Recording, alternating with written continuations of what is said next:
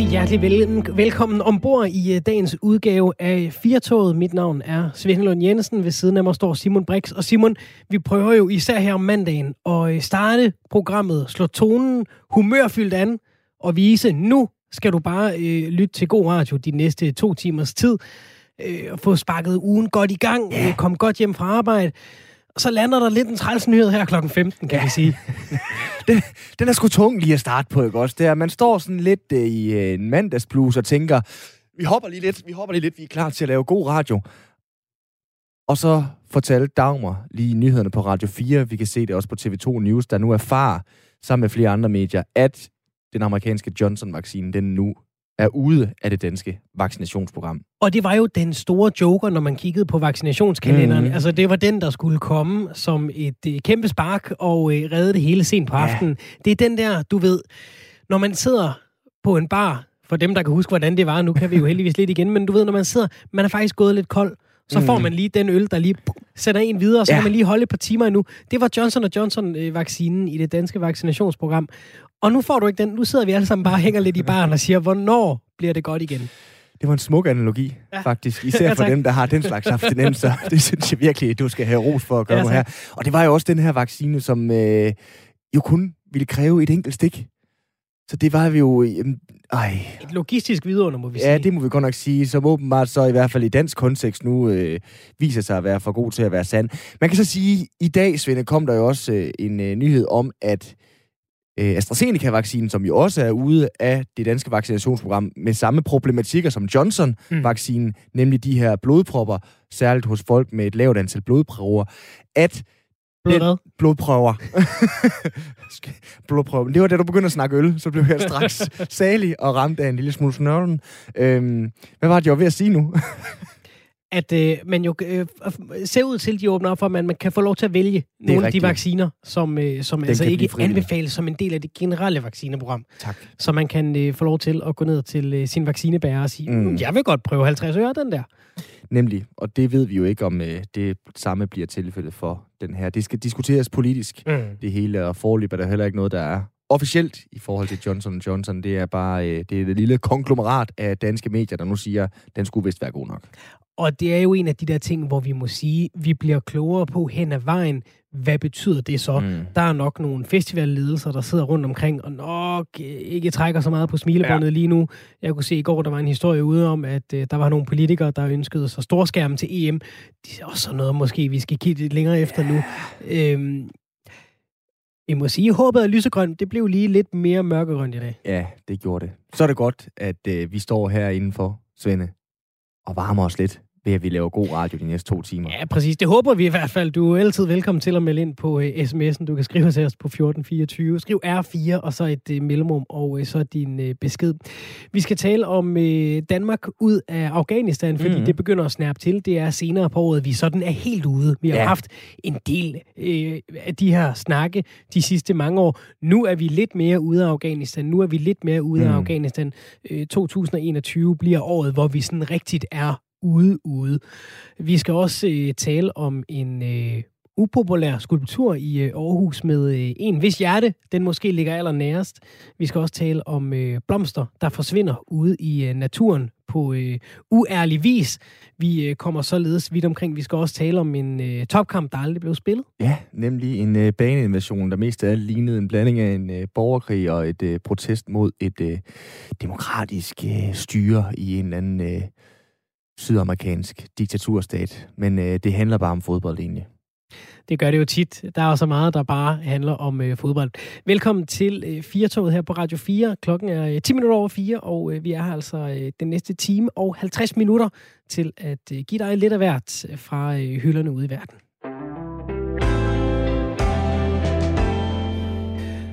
Som vi sagde, så øh, er det altså øh, ved at være nu, at Danmark øh, er ved at køre det sidste flyttelæs ud af Afghanistan, så at sige. I midten af april, der fortalte udenrigsminister Jeppe Kofod, at danske soldater trækkes helt ud af Afghanistan. Det kommer cirka samtidig med, at Joe Biden har sagt det samme for USA og øh, de er så småt ved at lukke ned i det danske hovedkvarter i, i NATO-missionen dernede. De har øh, strået og foldet Dannebro for øh, sidste gang dernede her i sidste uge. Indsatsen har varet øh, 20 år. Over 10.000 danske soldater har øh, været afsted. 43 af dem har mistet livet. Om det har nyttet noget sådan i det store hele, hvad har det rykket? Det er jo sådan noget, som... Øh, det er jo et svar, der ikke lige findes øh, mm. håndfast i dag. Der er øh, nogle ting, der er blevet bedre i Afghanistan. Det er nok også, øh, hvad kan man sige, lidt for optimistisk at sige, at det er blevet til det demokratiske drømmeland, som vi prøvede at sælge os selv øh, på ideen om for øh, 20 år siden. Men hvordan har det været for den enkelte danske udsendte? Jeg faldt over et øh, opslag på Facebook i øh, sidste uge, hvor øh, der var en, der skrev til os, der tjente vores land, deltage i udfordringen et billede fra din tjeneste. Målet er at øh, oversvømme Facebook med positive fotos, i stedet for en negativ. Øh, ham, der skrev det opslag, det var dig, Peter Thorsø. Velkommen til programmet. Jamen tak skal du have. Du var øh, udsendt som en del af ISAF hold 7 i øh, det, øh, der hedder Armadillo-lejren i Afghanistan, som gruppefører, eller sergeant kan man også kalde det. Hvorfor lagde du det her billede op, Peter? Jamen i bund og grund, fordi jeg egentlig bare synes, det var en sjov gimmick, og så tænkte jeg, hvis alle mine venner lægger et billede op, så skal jeg jo ikke holde mig tilbage om at sende et lækkert billede ud i, i atmosfæren til alle dem, der mm. sidder og kigger derude. Så det, så det gjorde jeg, uden egentlig at tænke, Selvfølgelig må det godt være positivt, og mm. folk skal være glade. Men i grund og grund, fordi de andre også gjorde det, så gjorde jeg det også. Og jeg synes, det var sjovt. Lad os prøve lige at få øh, beskrevet det her billede. Altså, hvad var det for et billede, du valgte at lægge op? Jamen, det her billede, det er et billede af, hvor jeg står øh, på helikopterpladsen i øh, Armadillo-lejren. Og ved den her plads, der er der et øh, skilt på muren i baggrunden, hvor at der står øh, Forward Operation Base Armadillo, og så står jeg øh, foran i øh, t-shirt og ørkenbukser og smiler. Og øh, når du ser dig selv øh, stå der i, i, en, øh, i en yngre og gætter på måske også mere solbrændt udgave, hvad tænker du så, når du, øh, når du ser på dig selv? Hvad er det for en, en Peter, der står der? Altså, jeg tænker, det er jo en, det er en ung mand. Jeg tror, jeg har været 25 eller 26 og 37 i dag. Øh, jeg tænker, jeg tænker, vi tænker jo, det er jo... Jeg synes egentlig, det var et frisk billede. Jeg synes, det er et meget sjovt billede. Jeg synes egentlig, jeg var lidt langhåret der, fordi jeg ikke har været til frisøren i flere måneder. Men, øh, men det var et af de bedste billeder, jeg har derfra. Så det er egentlig en meget sådan positivt minde derfra for en god tid. Var det nemt at vælge lige præcis det billede, Peter? Mm, det var faktisk det billede, jeg har hængende over mit skrivebord. Så da jeg så, at, de, at, at nogle af mine venner sendte opslag, så kiggede jeg over på væggen, og så hang det billede der i sådan, på sådan et, øh, et lærred. Så tænkte jeg, jeg tager lige et billede af, af det med min telefon, og så lægger jeg det op, fordi det tror jeg ikke, jeg har postet før. Og nu siger du selv, øh, det var ikke fordi, der var en, øh, en lang Ph.D.-afhandling øh, bag at lægge det her billede op, men, men der er jo alligevel det her med, at, at, at du og andre skriver, lad os få noget positivt på bordet. Hvorfor er der behov for, for det positive? Jeg tror måske, altså i sådan en coronatid som det her, hvor at der bare kommer øh, vaccinetal, der bare er, er steget med 30.000 siden i går, og vi er 5,7 millioner mennesker, og der er nye smittede, og og min børns øh, børnehave har været lukket, så alle mine børn har været hjemme hos min hustru øh, i to uger, og ved at drive hende til vanvid, så lad os da få noget, hvor nogen smiler, og solen skinner, og, og coronaen er kommet væk. Så det var bare sådan, jeg synes, det var lidt et afbræk for hverdagen, at, at nu skal vi bare se på noget andet end, end sure coronanyheder og børnehaven, der er lukket. Ja, så hentede jeg jo også lige lidt til, da jeg spurgte øh, før, øh, Peter, om det var nemt at vælge det her billede. Altså, hvor nemt er det generelt at finde øh, positive billeder i dit potpourri af billeder fra din tid i Afghanistan? Og det er mange af. Der er... Altså, Afghanistan er jo et, et gudsbenået land, og kommer mm. til der, hvor vi opererer. Det er et gudsbenået land. Der er, øh, vi, vi er midt inde i Persien, hvor der er mennesker med tørklæder og spraglende farver, og der kommer lastbiler kørende, hvor at, at der sidder en lastbil oven på den anden lastbil, og så er laget fyldt med meloner eller nogle andre biler, og der er farvestrålende mennesker, og, og vi gik patruljer fra ørkenkanten, og så ud i en grøn zone, hvor folk dyrkede korn og dyrkede opium, og der var øh, flotte blomster på de her opiumsmarker. Så der er så mange flotte motiver. Der er så også en, en skyggeside på noget af det, vi også oplevede, men, men det solsiden overskygger klart skyggesiden af det, jeg oplevede. Og nu er det jo ikke for at tage, tage det positive ud af det og, og kun fokusere på skyggesiden, men jeg fristes alligevel til at spørge, fordi det er jo en, en, en krig, og derfor også en, en indsats for jer, der var udsendt, der har været debatteret hæftigt, ikke bare i Danmark, men, men i alle de lande, der har været involveret. Hvordan har det føltes fra, øh, fra din side? Altså, jeg har bund og grund været ligeglad. Altså, Afghanistan-projektet for mig, det var jo en del af mit arbejde, og, og også en, en del af mig personligt. Jeg tog jo ikke derned for at gøre nogle politikere glade. Jeg tog der heller ikke egentlig for at, at redde den, den lokale Afghanistan. Jeg tog derned for egen vindingsskyld om at, at få nogle, nogle sjove oplevelser sammen med drengene og, og udvikle mig selv som del som soldat og leder og, og, og få nogle oplevelser, som man ikke bare normalt ser. Hvad tænker du så? så at, at, jeg fortsætter bare, Peter. Altså, så at, at der har været politisk debat, det må de om. Mm. Jeg var dernede for at udføre mit arbejde. Jeg var ansat i herren i 10 år, og det var en del af, af arbejdet at tage derned, og så fik vi det bedste ud af det. Men har du tænkt over nu her, hvor du prøver at, øh, dele alle de her positive billeder, hvad det så kan komme til at betyde måske for den oplevelse, som rigtig mange jo har af Afghanistan, som de jo primært får fra os medier? Mm, det har jeg ikke tænkt i store tanker om, mm. men, men jeg tænker, at der er mange, der, der er glade for, at, at vi har gjort en forskel, for vi har gjort en forskel. Måske skulle vi bare have været endnu flere soldater til at kunne, kunne, kunne gøre de mål, som politikerne egentlig havde sat, at vi var underbemandet, og hvis vi havde været flere på en gang, så havde vi måske nået målet noget bedre, men det, det er jo en helt anden snak. Mm. Hvad var det for en forskel, øh, du kunne se, I gjorde dernede? Jamen, det var, øh, vi fik hjulpet nogle af de lokale og fik drevet talibanerne væk, så, så deres kvinder og børn kunne lege frit, og, og de ikke var afhængige af, at der kom nogen og skar halsen over på dem, hvis, øh, hvis de sagde noget forkert.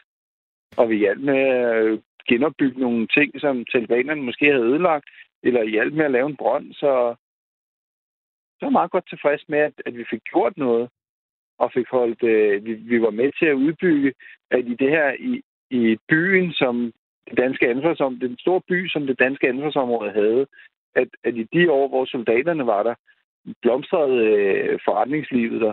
Det, havde det, det tror jeg ikke, det havde gjort, hvis der ikke havde været soldater i hele området. Mm.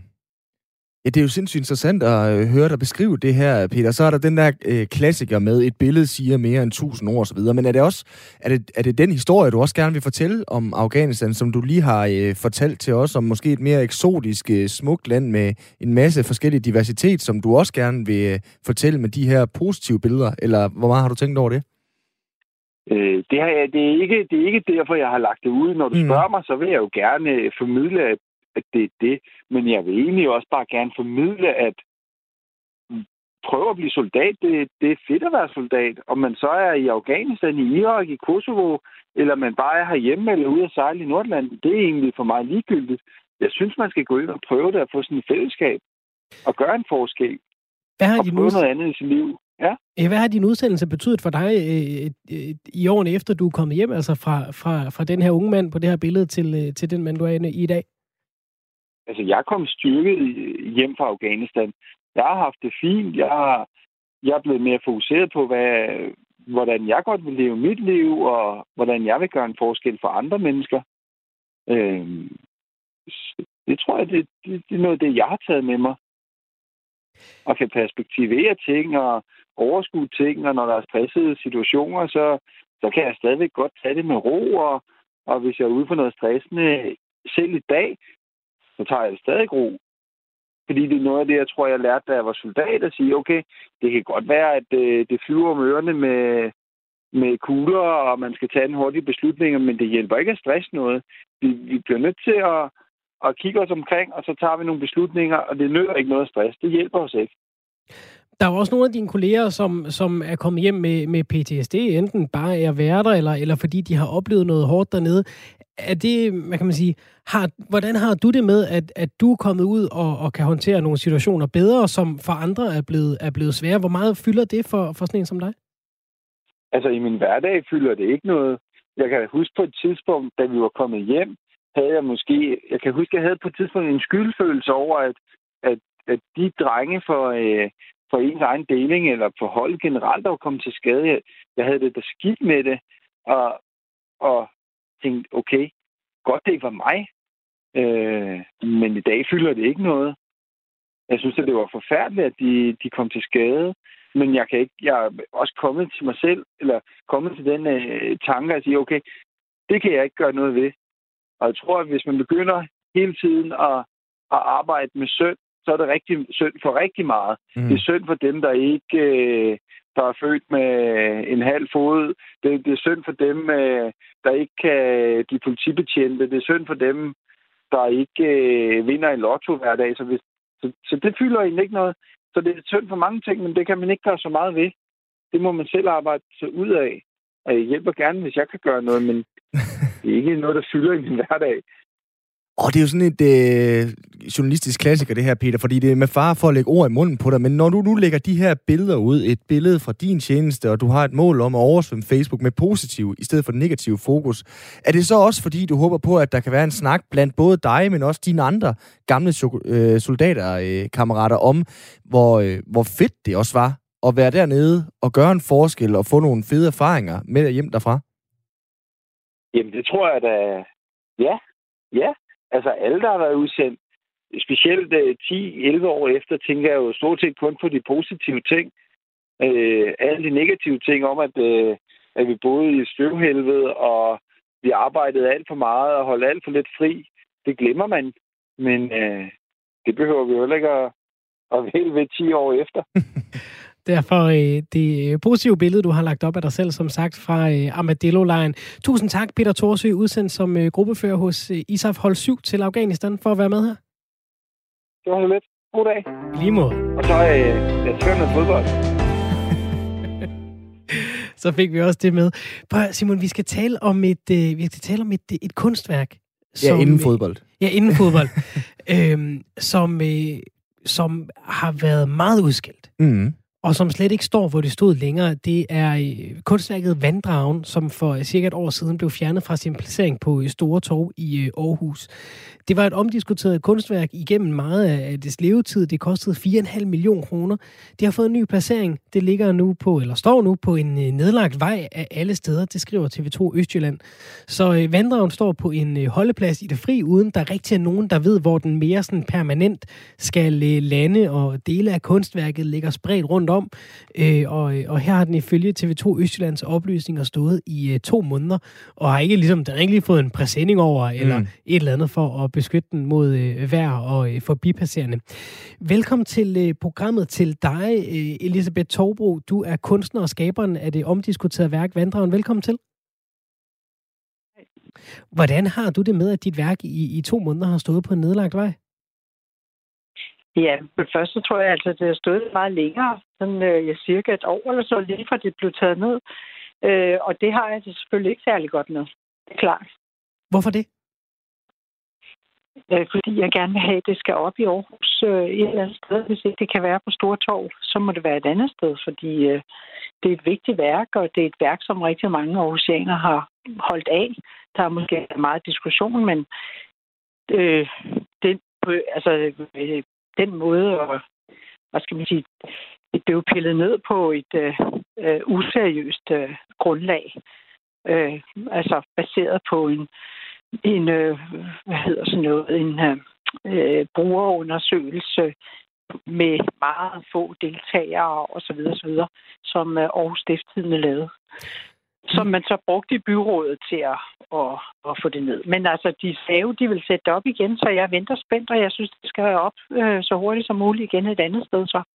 Og der er jo noget, noget spændende i det her øh, for sådan en som mig især, der ikke er kunstner. Altså det her med, når man har lavet et kunstværk, er det så bare ude i verden og, og, og tilhører verden, eller har man stadig selv en del i det?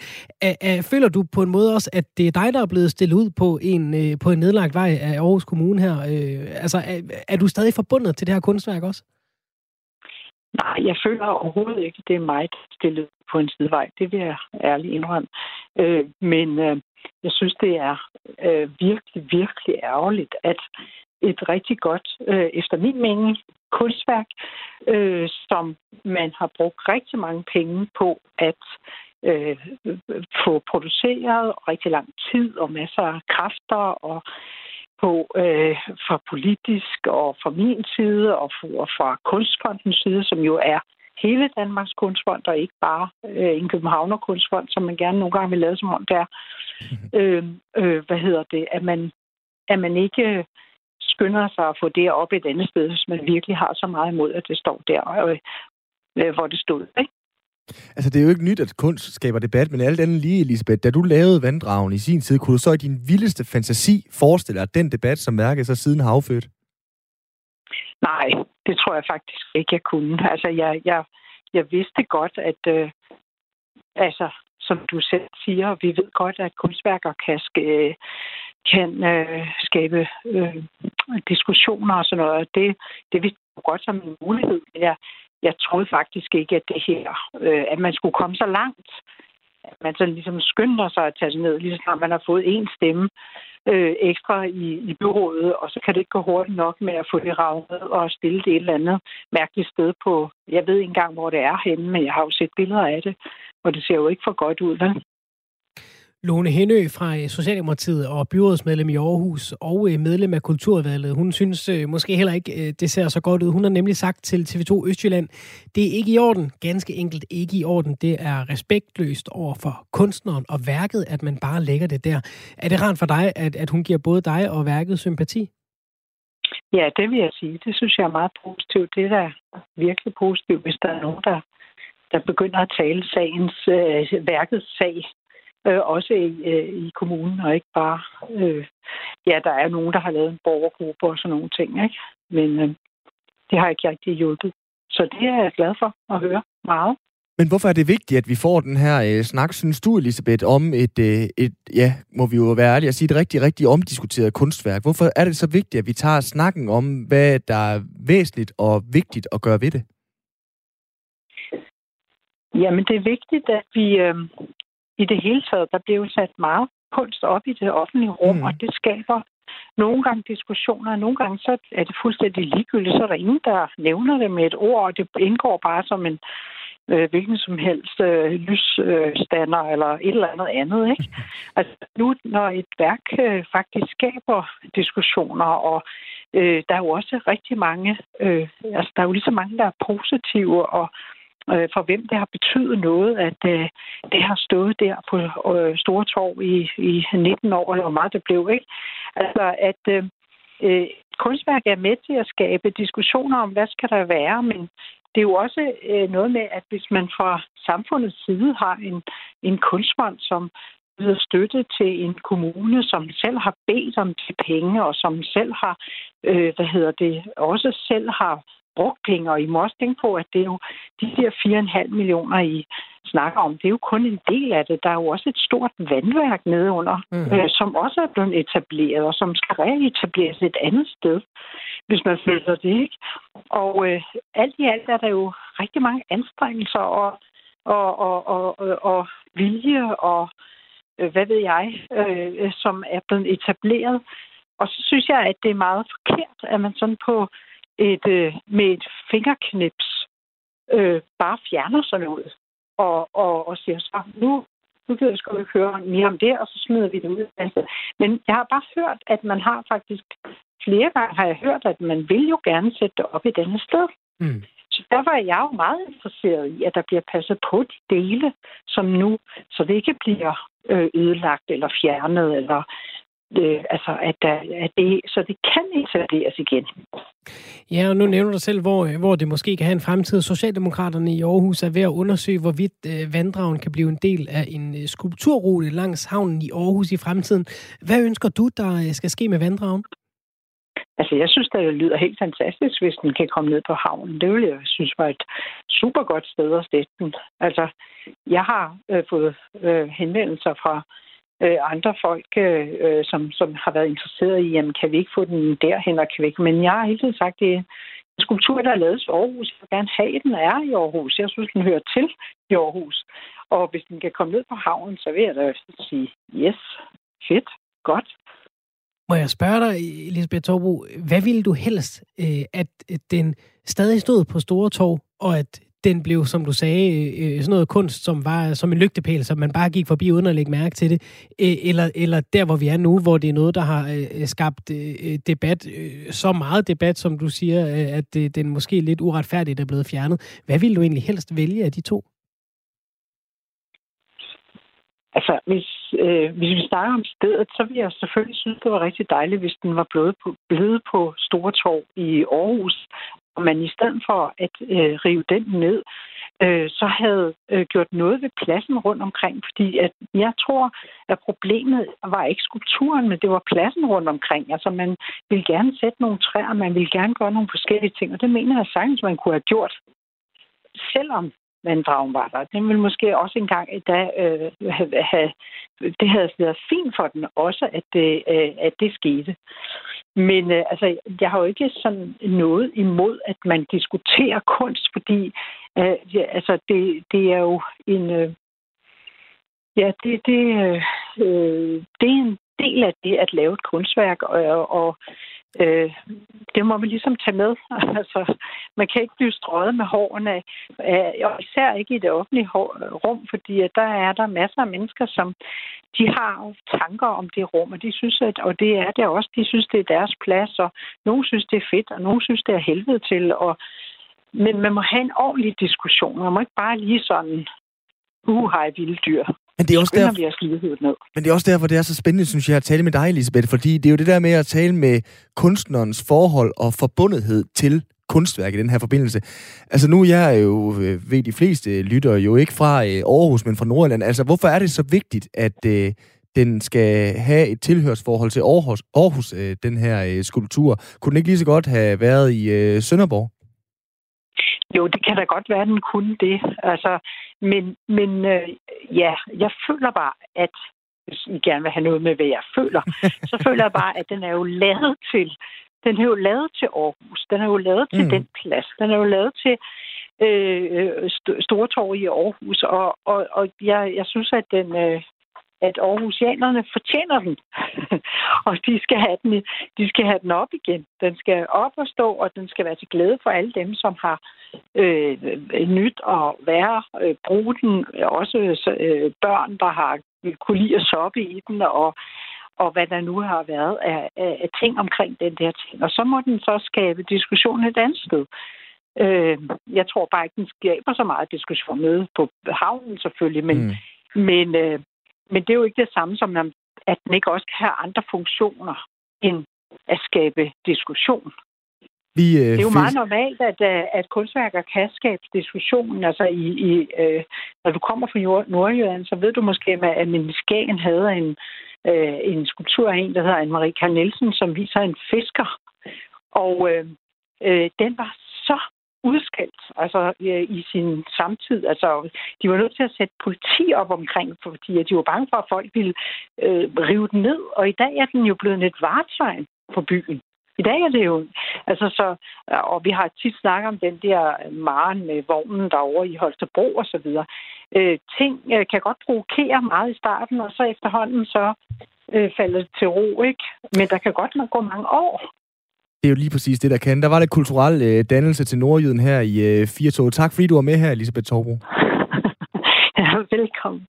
Du er altså, velkommen. Altså kunstner og skaberen af det her øh, værk, Vanddragen, som øh, ja, ikke længere står på øh, Store Torv, men vi må se, hvor det ender. Simon, nu øh, bliver det en lille smule filosofisk. Kan man finde noget, der ikke er der? Nej, det kan man ikke. Det, det, eller hvad? Skal vi snakke kærlighed? Nej, lad os prøve at trække det ned på, okay. et, øh, på et mere konkret plan, fordi øh, vi skal nemlig tale med en mand, der fandt noget, der var væk. Altså noget, der faktisk var blevet øh, stjålet. En vorkobjælle. Det er en øh, sjælden blomst. Den er totalfredet i Danmark. Det er en af den slags blomster, hvor vi i Danmark har en betydelig del af den bestand, der faktisk øh, findes, sådan mm. helt generelt set. Det er noget, jeg faldt over, øh, øh, som øh, Anton Tør Larsen havde lagt op inde på det, der hedder Naturbasen. Velkommen til, Anton. Ja, goddag, goddag. Hvordan, og... hvordan ser en vorkobjælle ud? Kan du ikke lige prøve at beskrive den for os først og fremmest? Jamen, det er... For det første er det jo sådan en, en rigtig forårsbebuder, der kommer øh, 1. april sådan en meget flot øh, hvid blomst. Øh, og der er måske nogen, der kender kobjællerne. Altså, der er nikkende kobjæller, opret kobjæller, og så er der vorkobjælle, sådan her i Danmark. Og vorkobjællen, det er sådan en rigtig flot hvid en, der står ude på gamle heder, øh, indlandsklitter og sådan noget, men er, som I sagde også i indledningen, den er desværre meget sjælden og blevet mere og mere sjælden også. Så, så det, det, det er altid, en, i hvert fald for mig, en fantastisk glæde at finde en blomstrende vorkobjælle. Ja, nu har vi jo lige talt om øh, kunst øh, som noget, man kan gå forbi og kigge på, og, og, og den her, den er jo så sjældent, at, øh, at øh, hvis man ved, hvor der er en, så kan man jo lige, som du siger, gå forbi og blive glad af at kigge på den. Og øh, forleden, øh, der kom du forbi et sted, hvor der burde have været sådan en. Hvad var der sket? Jamen, der fandt jeg sådan en, øh, en øh, halv kvadratmeter øh, opgravning i 20 cm dybde, hvor det simpelthen bare var, var fjernet sådan en stor tørv et sted, hvor jeg vidste, der normalt voksede en, en vorkugbjælle. Så det var jo trist. Det var meget trist, fordi der er en eller anden, der synes, at den måske hørte, hørte til hjemme i vedkommende have. Ikke? Hvordan påvirker det dig? Prøv, prøv at tage os med ind i, hvad, hvad, hvordan det øh, føles inde i, inde i Anton Tør Larsen, når du kommer derhen og forventer at se en vorkugbjælle? Jamen, det er, jo, det er jo et eller andet med, at øh, den er så sjælden, og den er tilpasset lige det sted der. Og så har man en eller anden idé om, at man kan flytte den hjem i ens have, og det kan man måske også godt. Men det, der sker i de fleste situationer, det er jo så, at de frø, der eventuelt kommer ud af den vorkubjæl, de kan, jo ikke, øh, de kan jo ikke leve det sted, den er blevet flyttet hen. Så det vil sige, at kommer, den uddør meget hurtigt øh, efter et stykke tid hjemme i haven. Det, det samme gælder jo for andre planter, man flytter hjem. Orkideer, vi kender det jo sådan noget naturkriminalitet, hvis man skal sige det, opgravning. Øh, og det, det der bare inde i mit hoved også sådan går, går det er jo et, et vedkommende, der nu har stjålet den her. Jeg vil gerne kalde det stjålet, fordi øh, det er en, der jo har vidst, at det her det har været en sjælden blomst. En vedkommende kan købe en tilsvarende blomst i en planteskole for 30-40 kroner. Er det her en, gå ud er det her en form ja. for herværk, Anton? Altså, jeg, jeg, jeg Nej, vil godt afsløre, at det er ikke jeg mig. Tror, det er en eller anden... Øh, det, jeg ved ikke, om der er inden for... Øh, sådan noget ligesom der er inden for... For nogle år siden inden for ægsamler og sådan noget, var et eller andet med, og sommerfugle og sådan noget med, at man skulle have et klenolie af en eller anden slags. Og det kan også godt være det her. Det er, at der er nogle plantefolk. Jeg ved det ikke, fordi mm. vi ser det jo, at øh, den blå viol nede ved Kai Munk blev gravet op, og og øh, fugesko nede i Råns skov er blevet gravet op, så det er ikke, det er ikke sådan noget totalt ukendt noget, øh, at det her det sker. Det er det ikke. Og der fik du lige lidt elegant, uh, Anton, lavet cue til uh, det næste, vi skal tale med. Tusind tak, fordi vi måtte uh, ringe til dig, Anton Tør Larsen. Det er i orden. Ja, velkommen. Vi skal nemlig øh, ned til øh, Rolskov og tale om den her frueskov, fordi det er ikke første gang, at en øh, vild og sjælden blomst bliver flyttet mod sin øh, vilje. Vi havde en, en sag sidste år med den her opret kobjælle, som, øh, som Anton Tør Larsen også fik nævnt. I 2016 der var der et øh, større tyveri af den sjældne orkidé fruesko i øh, Rolskov, hvor øh, det altså ikke bare var nogle gerningsmænd, der lige kom forbi og sagde, mm, den tager jeg. De forserede et hegn, stjælte en masse blomster. Søren Risborg, øh, naturvejleder i, øh, i Rebil Kommune. Velkommen til programmet. Tak skal du have. Inden vi når til øh, frueskoerne, hvad tænker du, når du hører om sådan en øh, vorkobjælle, der er blevet gravet op? Jamen det første, jeg tænker, det er jo det, dilemma, vi har som naturvejledere og som formidlere af natur. At øh, vi vil gerne fortælle folk om de her ting, og de her spændende ting, øh, som, som nu snakker vi lidt om frueskoen, der har en helt fantastisk formering øh, eller bestøvning, øh, er jo helt øh, exceptionelt øh, spændende med fællefangst af en gravvæbs og og så videre, så videre. Men hver gang vi gør det, så, øh, så hyper vi det jo, og så viser det sig, at så, så bliver de gravet op. Og det er sådan et dilemma, vi har, at vi vil gerne vise det frem, men, men omvendt, så, ja, så sker det bare. Så det er, det er ikke nemt at være formidler af, af de der lidt sådan uh, sjældne ting i naturen. Det, det, uh, vi skal tænke os om, altså hver gang vi, uh, vi stiller os op og, og har du helt ærligt lyst til at holde det hemmeligt? Jamen, fugleskolen er jo, øh, er jo ikke hemmelig. Altså, øh, når man går i bjergskoven i Rolskov, så bliver man mødt af et, øh, et, et sådan et, et, et nu, nu er det sådan et hegn, der er, ligesom man kender fra et hegn, der omkranser tennisbaner. Men tidligere var det jo et palisadeværk med pigtråd som man skulle forsere. Øh, så, så det er jo ikke hemmeligt, hvad der er derinde bagved, og det, jeg var lidt ked af, at de, de satte tennishegnet op, fordi Palis kan man pikke på, det formidler ligesom, ligesom sig selv, ikke? Altså, hvad, hvad er det, der, der er så, øh, så, så, så sjældent, at vi er nødt til at hegne det ind på den måde. Men, men øh, det viste sig så, at der var nogle insekter registreret uden for palisadeværket, men, men, men forskerne kunne ikke genfinde det, dem der undersøgte det, de kunne ikke finde det inden for hegnet, så man mente, at de simpelthen, det stod som en, en barriere, en palisade i skoven, så insekterne øh, døjer med at komme ind. Øh, den her, det er jo et enkelt insekt, der, der bestøver frueskoen. Så man har nu lavet sådan et tennishegn, så de kan flyve Øh, Men det bevirker jo også, at det er meget nemmere at komme ind i indhegningen. Man kan jo bare tage en, en bidetang med, og så kan man jo klippe, klippe hul, hvis man vil det. Ja, hvor stort er problemet hos, hos jer? Øh, du har været naturvejleder i Rolskov i 30 år. Hvor stort er problemet hos jer med sjældne blomster, der ikke får lov at stå i fred? Jamen, jeg synes, at der er et problem. Øh, frueskolen er åbenlyst. Altså, man har talt op siden 1947, der har man talt, hver eneste år har man talt øh, antallet af frueskoe i indhegningen. Og øh, allerede i 49, der var det første tyveri. Og, og som sagt, øh, sidst øh, der var nogen inden, der, der røg der øh, en femtedel af hele bestanden, altså 20 procent, blev simpelthen gravet op og forsvandt. Øh, sidst der var en inden, han gravede så ikke op, eller vedkommende gravede ikke op, men, men nøjes med at plukke en stor buket øh, af fogesko, der jeg øh, synes, det er lidt mærkeligt at komme hjem og forære sin kæreste, eller hvem det var, en buket fruesko, så kunne man læse om det i avisen dagen efter. Øh, men, men, men dog er de jo ikke fjernet, altså. De står der jo stadigvæk, men, men selv blomsterne var væk, så de folk, der, de mange folk, der kommer for kig efter fokusskolen, de måtte jo gå skuffet til, øh, hjem, fordi der var rigtig mange, der var plukket øh, i et buket. Så, så det er et, øh, øh, det, det er et, et, et tema, øh, at, at de der sjældne ting, som vi var inde på før også, altså at de, de bliver gravet op. Øh, Naturstyrelsen vil jo passe rigtig godt på fokusskolen. Så den, har, den står på sådan et lysåben kalkoverdrev oprindeligt. Øh, og det er jo så Øh, sprunget i bøgeskov. Og, og man kan se, at hver gang man har lysåbne i bøgene, så, så går fokuskolen frem i antal. Og det har man jo så gjort sådan øh, forsigtigt, fordi de andre urter kvæler den, hvis det går, man går for hurtigt frem. Så det har været sådan en kamp om lyset egentlig, og skaffe det lys, som der skulle til. Men de senere år, vil jeg sige, der er kampen mere gået gå i retning af opgravning og, og plukning af, af fruesko. Altså der, der er kommet en helt anden vinkel på, på øh, øh, arbejdet med at passe, passe godt på frueskoen, nemlig opgravning og, og plukning af, af, af dem. Må jeg spørge dig, Søren, fordi øh, sådan en som Simon og jeg, vi kunne måske godt, hvis vi kom ud i skoven, vi ville måske ikke hoppe over et hegn for at gøre det, men vi kunne godt komme forbi en blomst og sige, hej, hold da op, den skal jeg have med hjem til øh, lillemor, og så uden måske at vide, hvad det var, vi fik fingrene i. Men, men der må også være nogle andre typer på spil her, ikke, når de kommer og graver 20 procent op af en, øh, af en bestand. Hvad er, det, hvad er det for, en, hvad er det for en, en type, hvad er det for en kultur, der er på spil her? Ej, det var lidt inde på det før. Altså, jo mere sjældent ting er, jo mere værdi har det.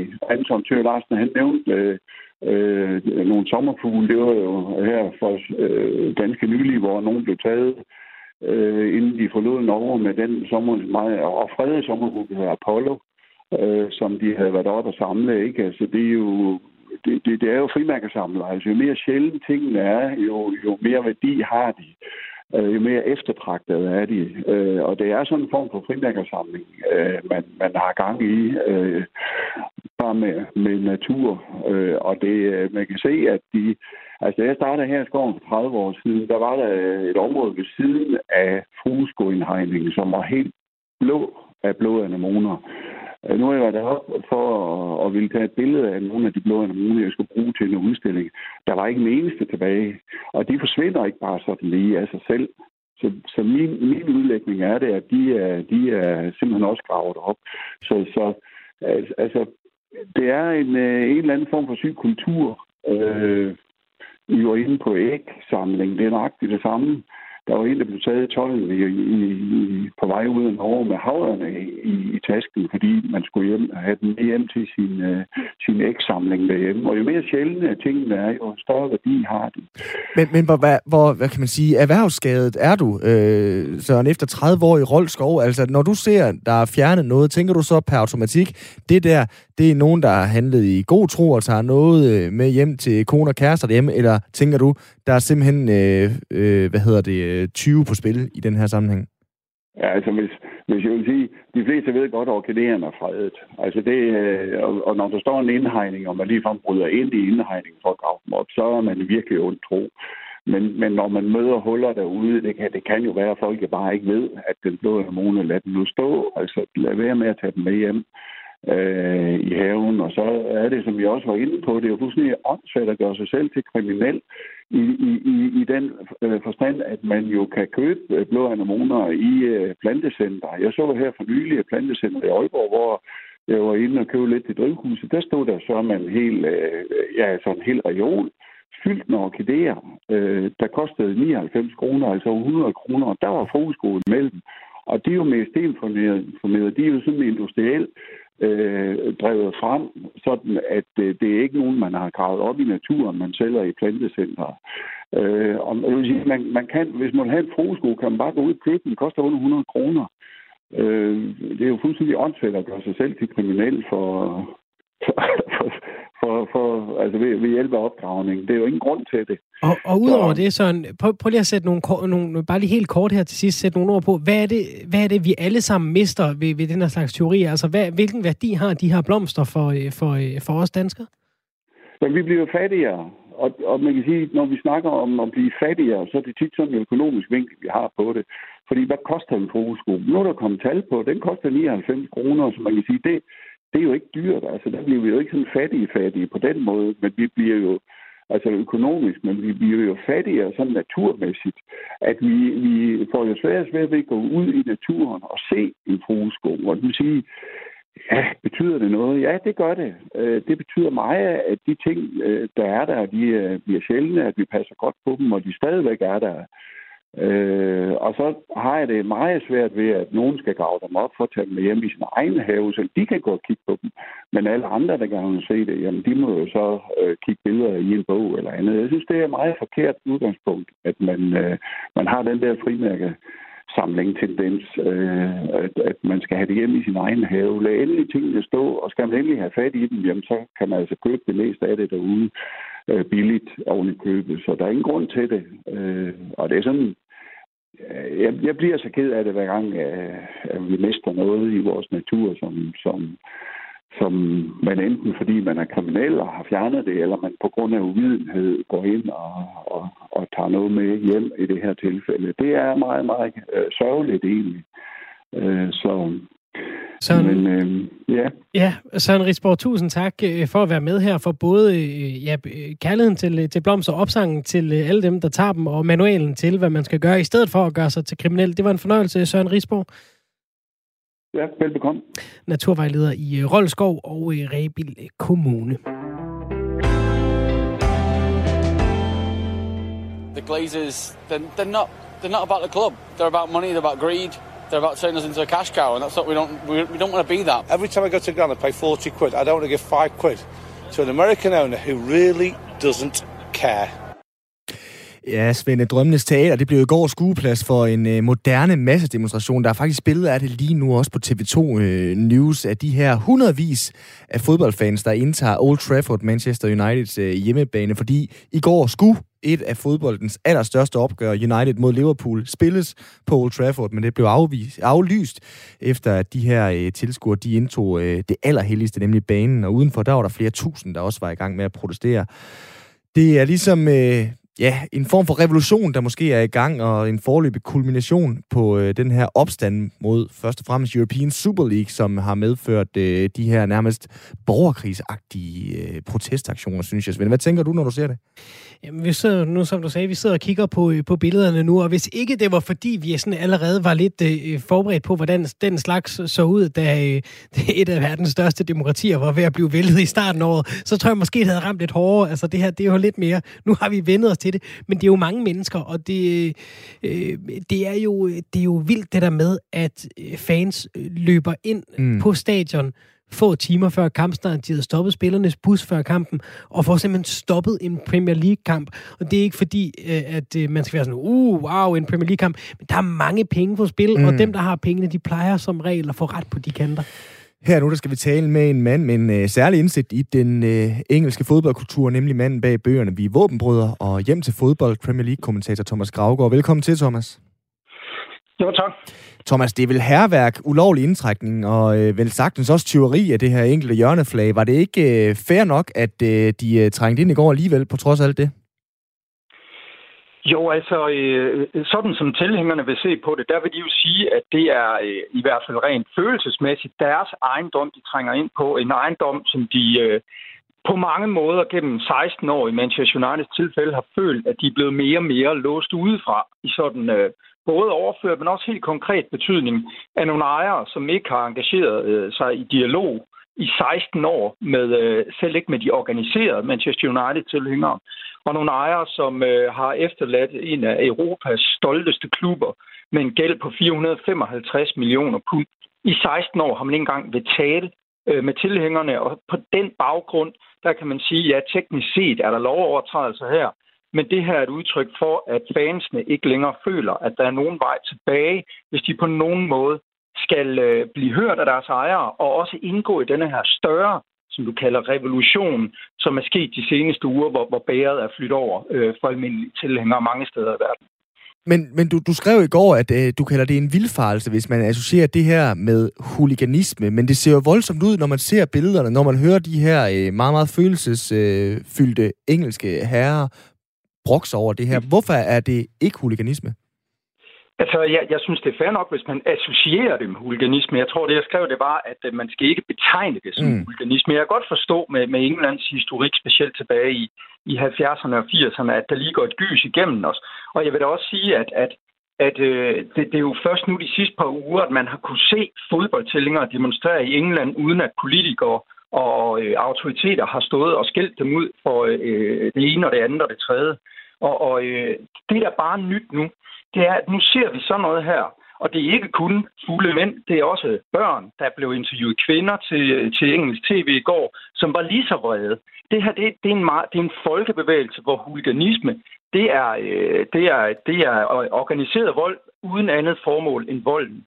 Det her, det har et højere formål, og så i betragtning af, hvor mange tusinde deltog, øh, og, og i al respekt for, for de stakkels to betjente, der kom til skade, øh, med, med relativt, øh, hvad kan man sige, få lovovertrædelser til at afspore det, det egentlig handler om. Men, men igen, Thomas, bare lige for at få øh, definitionen af huliganisme på plads måske i den her sammenhæng. Hvorfor er det, det ikke er øh, huliganisme, når der er tale om ja, øh, vold i det her tilfælde, og også noget, der er så destruktivt, som vi også har set? Altså, øh, man kan da godt vinkle øh, på billedet af den til skadekommende betjent og så sige, at alt det, der foregik i Manchester i går, var huliganisme. Men øh, det synes jeg er lidt svar til at sige, at, at, øh, at, at, øh, demonstrationer, almindelige gadedemonstrationer, øh, det også bare er ren anarki, hvis, hvis der er en enkelt, der kommer til skade med tusindvis på gaderne. Jeg synes, man er nødt til at zoome lidt ud og så se, hvad er formålet? Hvad er det, de vil, og hvorfor er de så desperate? Huliganisme handler bare om, at man vil ud og smadre nogle rivaliserende tilhængere. Der er ikke nogen dybere tanker mm. bag det. Der er en meget dybere tanke og fælles, øh, øh, fælles formål bag de protester, vi så ikke bare i går, hvor det så kostede øh, aflysningen af en Premier League-kamp, men også i sidste uge, ikke mindst ud foran Chelsea's hjemmebane, hvor, øh, hvor der også blev øh, vist kollektiv utilfredshed. Og jeg, og jeg synes, øh, jeg synes, at det, jeg skrev på Twitter, jeg synes ikke, man har forstået omfanget af, denne, af, det, øh, af det, der er på spil for fodboldtællinger, ikke bare i England, men generelt, hvis man reducerer det her til, okay, der var øh, lovovertrædelser, der fandt nogle ting sted, øh, øh, som var uheldige, øh, og så skal vi ikke snakke mere om det. Det er det, man har gjort i, i årtier, øh, og nu, øh, nu, nu øh, fornemmer fodboldtilhængerne, at politikerne faktisk for første gang er begyndt at stille sig på deres side. Thomas Kravgaard, kan du ikke prøve at sætte nogle flere ord på, hvad er det, de kan håbe på at få ud af det her, som du også var inde på? Altså, fordi nu har vi jo haft den her øh, store debat i forlængelse af det her, den her europæiske Super League, hvor Manchester United også var en af klubberne, der var med, og vi så folk på sociale medier brænde deres trøjer og sige, nu er det slut, og sæsonkort i stykker osv. Hvad er det, de vinder på det her frem for for eksempel ikke at dukke op til en karriere, ja, det kan de jo så ikke nu, men at, og, og prøve på en eller anden måde at lave en mere almindelig, nu vil vi ikke købe jeres billetter mere protest. Hvad er det, de kan få ud af, af den her mere, øh, mere demonstrative måde at markere deres utilfredshed med? Oh. Det er et godt spørgsmål, fordi man kan vælge at se det her som et udtryk for fan power, men som The Guardian også skrev, man kan også vælge at se det, en, en, øh, den engelske avis Guardian skrev, øh, en af deres ledere, øh, skribenter, skriver, at det, det er lige så meget et udtryk på fan powerlessness, altså at, at man er, man, det er afmagt, vi i virkeligheden ser, fordi som du selv nævner, man har prøvet boykot. Øh, man har stiftet øh, genopbygget stolte kulturinstitutioner, der er blevet kørt i seng af skrupelløse ejere. i, i, men det har man jo både, man har jo altså United of Manchester, der blev stiftet for efterhånden et par årtier siden i protest øh, mod, mod den overtagelse her af, af de amerikanske, af de nuværende ejere i Manchester United, som man, som man allerede dengang som fodboldtænger godt kunne se, øh, øh ikke vil føre noget godt med sig. Øh, der, der, altså, fodboldtællinger har protesteret mod en masse ting siden cirka 1992, og har en kollektiv følelse af, at, øh, at der er blevet lyttet mindre og mindre til dem. Prøv at forestille dig, hvis, hvis øh, Bilka, som man jo ikke engang kan sige, kunderne har en emotionel aktie i, som fodboldtilhængere har i en fodboldklub. Prøv at forestille dig, hvis de ikke gad tale med deres kunder, hvis deres kundeservice, de ikke svarede på opkald i 16 år. Altså, det, det er jo, man, selvom man ikke engang har en emotionel tilknytning til Bilka, har man jo som kunde, hvis vi skal blive i, i, i, øh, mm. ideen om, at, at fodboldtængere er kunder, jo langt større rettigheder alle andre steder end lige præcis i fodbolden, som så betyder så meget for så mange. Thomas, hvis vi sådan for de udenvede måske lige skal dykke ned i, hvad er det, vi andre skal forstå ved fodbold i England og sådan britternes forhold til fodbold, når vi ser det på Old Trafford i går? Altså helt historisk har, har fodboldklubberne i England jo været øh, vigtige for englænderne, fordi så meget andet i livet har været hårdt. Altså øh, ikke mindst for, for arbejderklassen, der, der jo satte industrialiseringen i gang og brækkede ryggen øh, på den, mens de trøstede sig med fodbold. Øh, så så det, er, øh, det er øh, en meget, meget stærk kulturinstitution, som englænderne jo nu måske for sent har opdaget stille og roligt er blevet fået ud af deres hænder og har havnet på skrupelløse udenlandske rigmænds hænder. Øh, hvor, hvor, øh, hvor øh, man, man, jeg tror, vi hørte et klip lige inden I ringede mig op, hvor der blev sagt, at klubben bliver betragtet som en cash cow. Mm. Altså, at ejere kommer ind og dræner klubber. Og det er jo ikke for sjov. Altså, det kan godt være, at man tænker, at selvfølgelig Manchester United overlever. Men der er klubber som Wimbledon, Portsmouth, senest Wigan, øh, Bury og Macclesfield, jamen, nogle af dem eksisterer pludselig ikke mere. Det er klubber. Bury er FA Cup-finalist øh, tilbage i forrige århundrede. De findes ikke mere. Så må tilskuerne ned og starte forfra, fordi der er kommet en eller anden ejer forbi, der har trukket penge ud af klubben, og i øvrigt ikke engageret sig øh, i dialog med tilhængerne, fordi de dybest set bare er i vejen. Du nævner både øh, Chelsea's fans, vi har også set øh, stærke protester fra Arsenals øh, fans. Er de øh, i det her tilfælde mest engelske fans ved at tage fodbolden tilbage, eller hvor optimistisk er du, Thomas? Der, hvor jeg øh, er mere optimistisk nu, end jeg har været før, det er øh, den måde, som jeg ser den engelske presse og de engelske politikere forholde sig til det her på. For fodboldtællinger har altid været en skydeskive i England. Der har været sådan nærmest sådan en slags elastik efterslæb, hvor, hvor hver gang, at man har set dem i flok stå og råbe eller skabe sig, eller hvad de nu har gjort med skilte og, og, og en pegn i den anden hånd, der har man bare sagt, åh oh, nej, nu skal vi passe på huliganismen. Det er også derfor, jeg brugte det ord, hvad det går. Det, det, det er nu, at jeg fornemmer, og lige mm. også lige vil hjælpe med at minde om, at sådan, det er ikke, hvad kan man sige, den måde, øh, man forholder sig til det længere på fra den bestemmende klasse i England. For første gang nogensinde har øh, fodboldtilhængerne i England tydelig politisk opbakning til, at der skal være en regulering af, af fodbolden, så, så, øh, som jo har vist sig ud af stand til at regulere sig selv, så at sige. Men hvad, hvad er målet, drømmen for de her superrige klubber? Er det at komme tilbage til sådan nogle øh, tyske forhold, sådan 50 plus 1 regel, eller tage hele sådan klubben tilbage til dem selv, eller måske endda skabe deres egen klub næsten igen? Hvad er målet for de her fans? Det er at have en stemme. Øh, og ja, man kigger til Tyskland, hvor der er en model, hvor, hvor øh, øh, netop de organiserede tilhængere er sikret, at de altid ejer øh, aktiemajoriteten, eller altid har en stemme, øh, som ingen forbipasserende øh, midlertidige ejer kan overdøve. Øh, det er det, der hedder øh, 50 plus 1-reglen. Øh, noget lignende kunne man da godt øh, forestille sig indført i England. Det vil da være et kæmpe fremskridt, men man har jo desværre også set eksempler øh, fra Tyskland på, at klubber som Hoffenheim og, og Red Bull Leipzig, eller Rasenbahnsport Leipzig, som de jo øh, sådan har kamufleret sig som, øh, alligevel har på en eller anden måde har kunne omgås den regel her. Men jeg tror i første omgang, det englænderne skal håbe på, det er bare at få en stemme, blive lyttet til. Hvad I det mindste få en dialog med ejere, der ikke har vil tale med dem i 16 år. Og ja. måske fortælle dem, om vi ikke kunne sænke entrépriserne lidt. Kunne vi ikke droppe var? Kunne vi ikke få lov at stå op under kampene? Kunne man lægge kampene på nogle lidt bedre tidspunkter, når man sender de her tv-pakker i udbud? Og kunne vi i øvrigt hjælpe lidt længere nede i pyramiden, så det ikke bare er de super rige, der bliver rigere og rigere, mens klubber som nabobyerne Bury og Macclesfield er vokset op omkring bare dør?